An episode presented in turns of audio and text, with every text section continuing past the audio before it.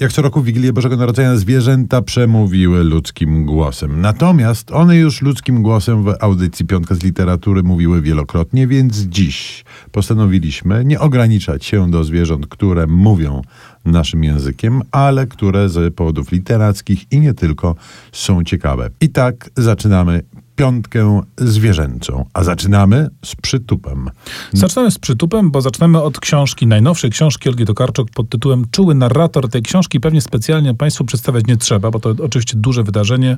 Pierwsza książka po Noblu, która od razu zaczęła sprzedawać się w jakimś nieprawdopodobnym tempie i nakładzie. Tajemnicą też chyba dla nikogo nie jest, że Olga Tokarczuk jest czułą osobą, szczególnie w stosunku do zwierząt właśnie. No i tak, tutaj y, trzeba powiedzieć, że ta książka zasadniczo dotyczy literatury, jej czytania, pisania i tworzenia. To jest taka rzeczywiście wycieczka w głąb twórczego świata noblistki, ale jest tutaj jeden esej, który nazywa się Maski zwierząt, poświęcony konkretnie sprawom zwierzęcym. Olga Tokarczuk o zwierzętach pisała, no tu przede wszystkim książka Prowadź swój pług przez Kościół Marłych nam się y, nasuwa, gdzie jednak temat zwierząt y, i temat polowania, zabijania tych zwierząt jest bardzo mocno obecny. Olga Tokarczuk w tym eseju Maski zwierząt y, uderza od razu w mocny ton, mówiąc wprost cierpienie zwierząt jest gorsze niż cierpienie ludzi.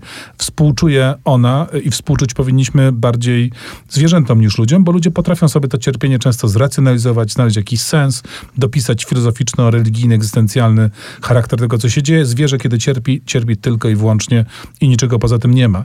I tak się otwiera ta refleksja. To jest nieduży tekst, ale rzeczywiście dający do myślenia, będący owocem lektur i rozmyślań. Myślę, że bardzo mocne i bardzo wyraziste wprowadzenie w w taki temat, w taką wrażliwość, żeby rzeczywiście na sprawy zwierząt spojrzeć no, z nieco większą empatią niż wielu z nas czyni. Sprawy się mają zgoła inaczej w książce pod tytułem Człowiek, który znał mowę węży, ale to głównie dlatego, że akcja tej powieści dzieje się niecałe milenium temu. Jesteśmy w średniowiecznej Estonii, tam przenosi nas Andrus Kivirach, który Może po, jest... powtórzmy w razie nazwisko. Andrus Kivirach to jest bardzo mocna postać literatury estońskiej. Po raz pierwszy wkracza do y, Polski. Kivirach. Kto sobie proszę zapisać, zapamiętać. Tak, to jest rzeczywiście jeden z najbardziej rozpoznawalnych estońskich prozaików. W Polsce jego rozpoznawalność pozostawia jeszcze wiele do życzenia ale mam nadzieję, że po publikacji tej książki się zmieni. Człowiek, który znał mowę węży, rzuciła mnie na e, kolana. Jesteśmy na. Ja już też byłem na kolanach od czasu jej lektury, od dłuższego czasu tak klęczę.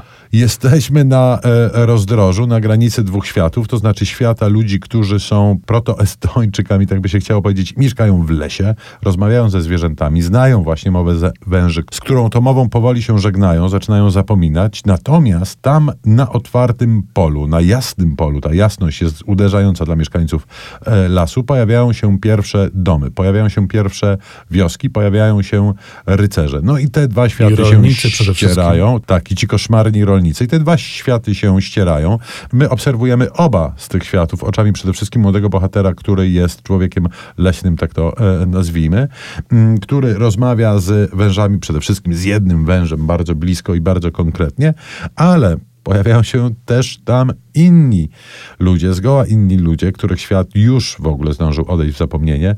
Taka urocza para małpoludów, nie wiem czy pamiętasz, która siedzi w y, jaskini. Jest to książka, która jest dojmująco smutna, no bo właśnie opowiada o utracie, o tym jak świat nam się spod nóg osuwa, ale jest to przy tym książka pełna fenomenalnego humoru. Dawno, dawno nie przeczytałem powieści z tak dużą przyjemnością. Tak, widać, że Estonia kryje w sobie literackie absolutne skarby. My tu robimy przerwę, posłuchamy muzyki, która pochodzi, jak się pewnie Państwo mogli już domyślać, z filmu Pokot na podstawie powieści Olgi Tokarczuk, a muzykę tę skomponował niejaki Antoni Komasa-Łazarkiewicz.